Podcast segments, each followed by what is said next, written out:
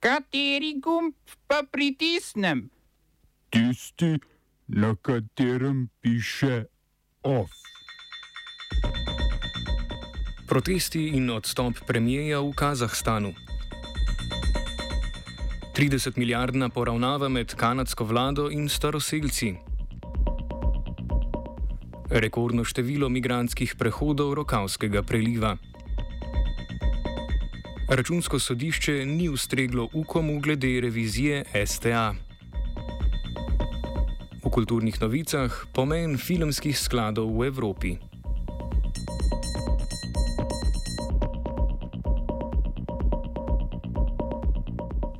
Zaradi protestov ob zvišanju cen energentov je danes z mesta premijeja Kazahstana odstopil Askar Mamin, v več delih države pa so uvedli izredne razmere. Protesti so se začeli čez vikend, sprožila jih je rast cen utekočinjenega plina, ki je glavno pogonsko gorivo za večino prebivalcev province Mangistav, kjer so se nemiri tudi začeli. Ti so kmalo dobili tudi širšo politično noto, saj so protestniki zahtevali svobodne volitve za lokalne uradnike ter odstop vseh višjih predstavnikov vlade, med drugim tudi predsednika države Kasima Jomarta Tokajeva. Glasni so bili tudi klici k dokončnemu odstopu bivšega predsednika Nur Sultana Nazarbajeva. Ta je z mesta predsednika odstopil leta 2019, še vedno pa ima sedež v varnostnem svetu države. Omenjena politična pozicija mu omogoča vpliv nad zakonodajo in imuniteto pred kazanskim pregonom. Visoki zunani politični predstavnik Evropske unije Josep Borel se bo danes v Kijevu sestal z ukrajinskim državnim vrhom.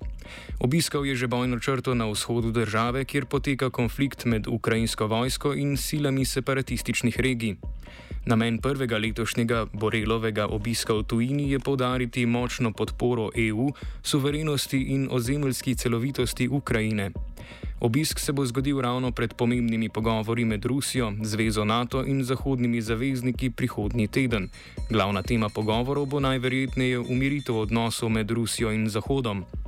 Zahodne države sicer že več mesecev opozarjajo na kopičenje ruskih sil v južnem in v zahodnem vojaškem območju, ki mejita na Ukrajino, in na eskalacijo oboroženega spopada na tej meji. Rusija obtožbe zavrača in podarja, da je težava v širitvi vpliva Zveze NATO v Ukrajini.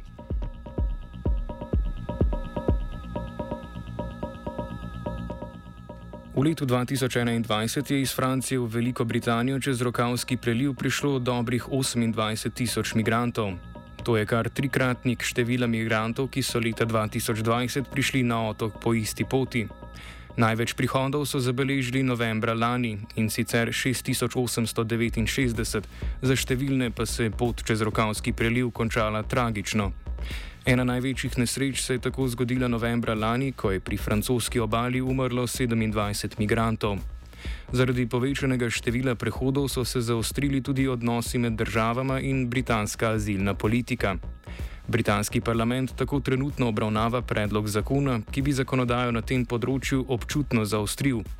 Ta predvideva strožji kazenski pregon in otežen azilni postopek za migrante, ki bi v državo vstopili nezakonito.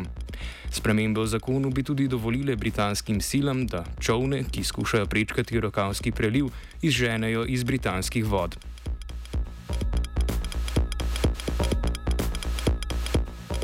Severna Koreja je danes v morju vzhodno od Korejskega polotoka izstrelila balistično raketo. Današnja izstrelitev, ki je hkrati tudi prva letos, sledi vrsti podobnih dejanj iz prejšnjega leta. Izstrelitev je logična poteza glede na komentarje severnokorejskega voditelja Kim Jong-una, ki je na zadnjem zasedanju vladajoče partije obljubil, da bo država še naprej krepila vojaško infrastrukturo. Severna Koreja tako kljub prepovedi in sankcijam Združenih narodov od leta 2006 naprej še vedno izvaja redna testiranja vojaške opreme. Pogovori z Združenimi državami Amerike glede prekinitve oboroževanja z nuklearnim orožjem in prizadevanje južnokorejskega predsednika Moon Jae-ina, da bi dosegel dolgotrajni mir med obema Korejama, so tako še bolj oddaljena cilja.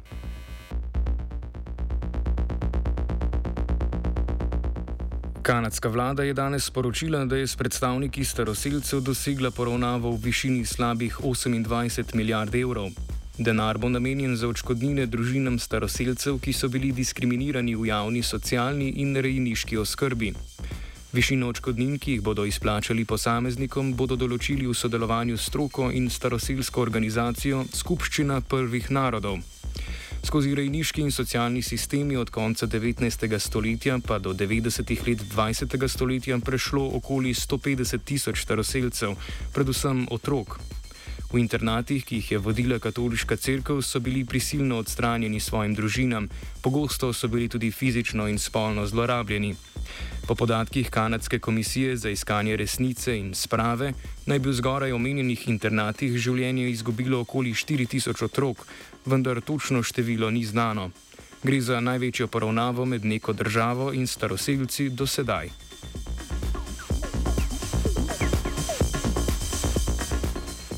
Na Kitajskem so po štirih letih gradnje odprli najdaljši podvodni avtocestni predor na svetu. Dolg je slabih 11 km, speljan pa je pod gladino tretjega največjega sladkovodnega jezera na Kitajskem, jezera Tajhu, ki leži okoli 50 km vzhodno od Šanghaja. Gradnja predora je stala dobro milijardo evrov, zanj pa so porabili 2 milijona kubičnih metrov betona. Predor ima kar šest voznih pasov.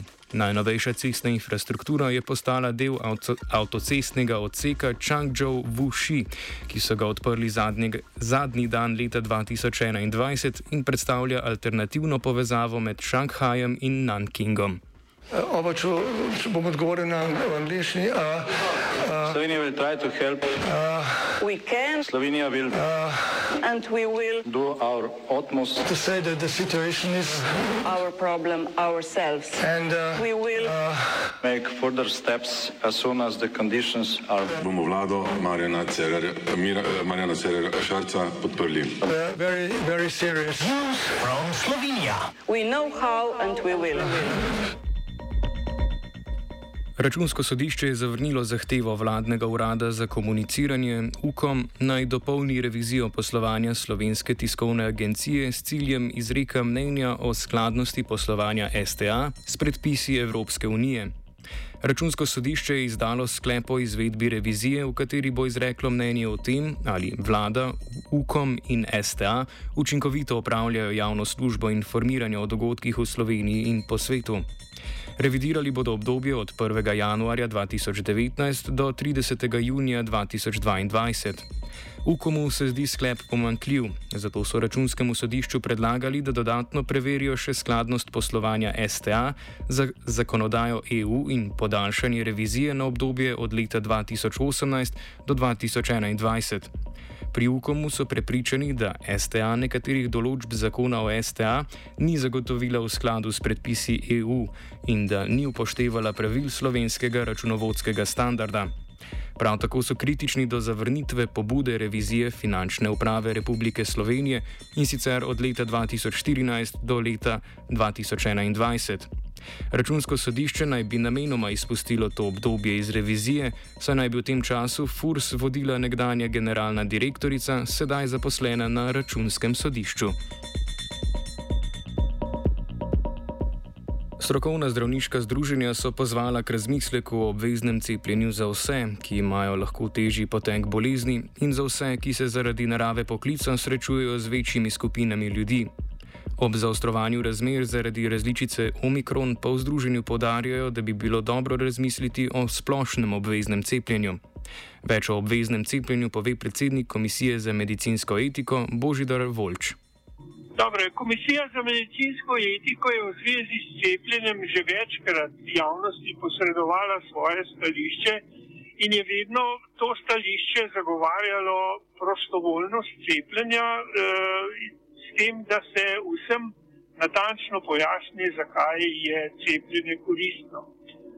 Zato prišli smo v stanje, zlasti zdaj, ko se recimo pojavlja še omikron in načica, da eh, imamo toliko in toliko ljudi, ki so stari nad 50 let ali pa imajo kakšno drugo skupino, kakšne druge bolezni, recimo, ki uh, okvarjajo ali pa slabijo njihov imunski sistem, da je bilo dobro, bi bilo dobro za razmisliti, da bi še te skupine ljudi, ki so najbolj ogroženi, vendarle poskušalo obvezno cepiti. Namreč dokazano je, ne, da je cepljenje tisto, ki ljudi, ki so najbolj ogroženi, tudi, tudi najbolj zaščiti proti hudemu poteku bolezni. Ne more jih povsem zaščititi proti temu, da ne bi zboleli, zagotovo jih pa ščiti proti hudemu poteku bolezni in proti, tudi proti najhujšim zadevam. Ljudje, ki so bili cepljeni, bistveno manj zbolevajo, manj, manj uh, hudo hud potek je in uh, tudi veliko manj umre. To je to. Da naj z uvedbo obveznega cepljenja ne cincajo, pa se strinja tudi nekdani direktor uprave Merkatorja Zoran Jankovič. OF je pripravil vajenec Žan, mentoriral je Koruza.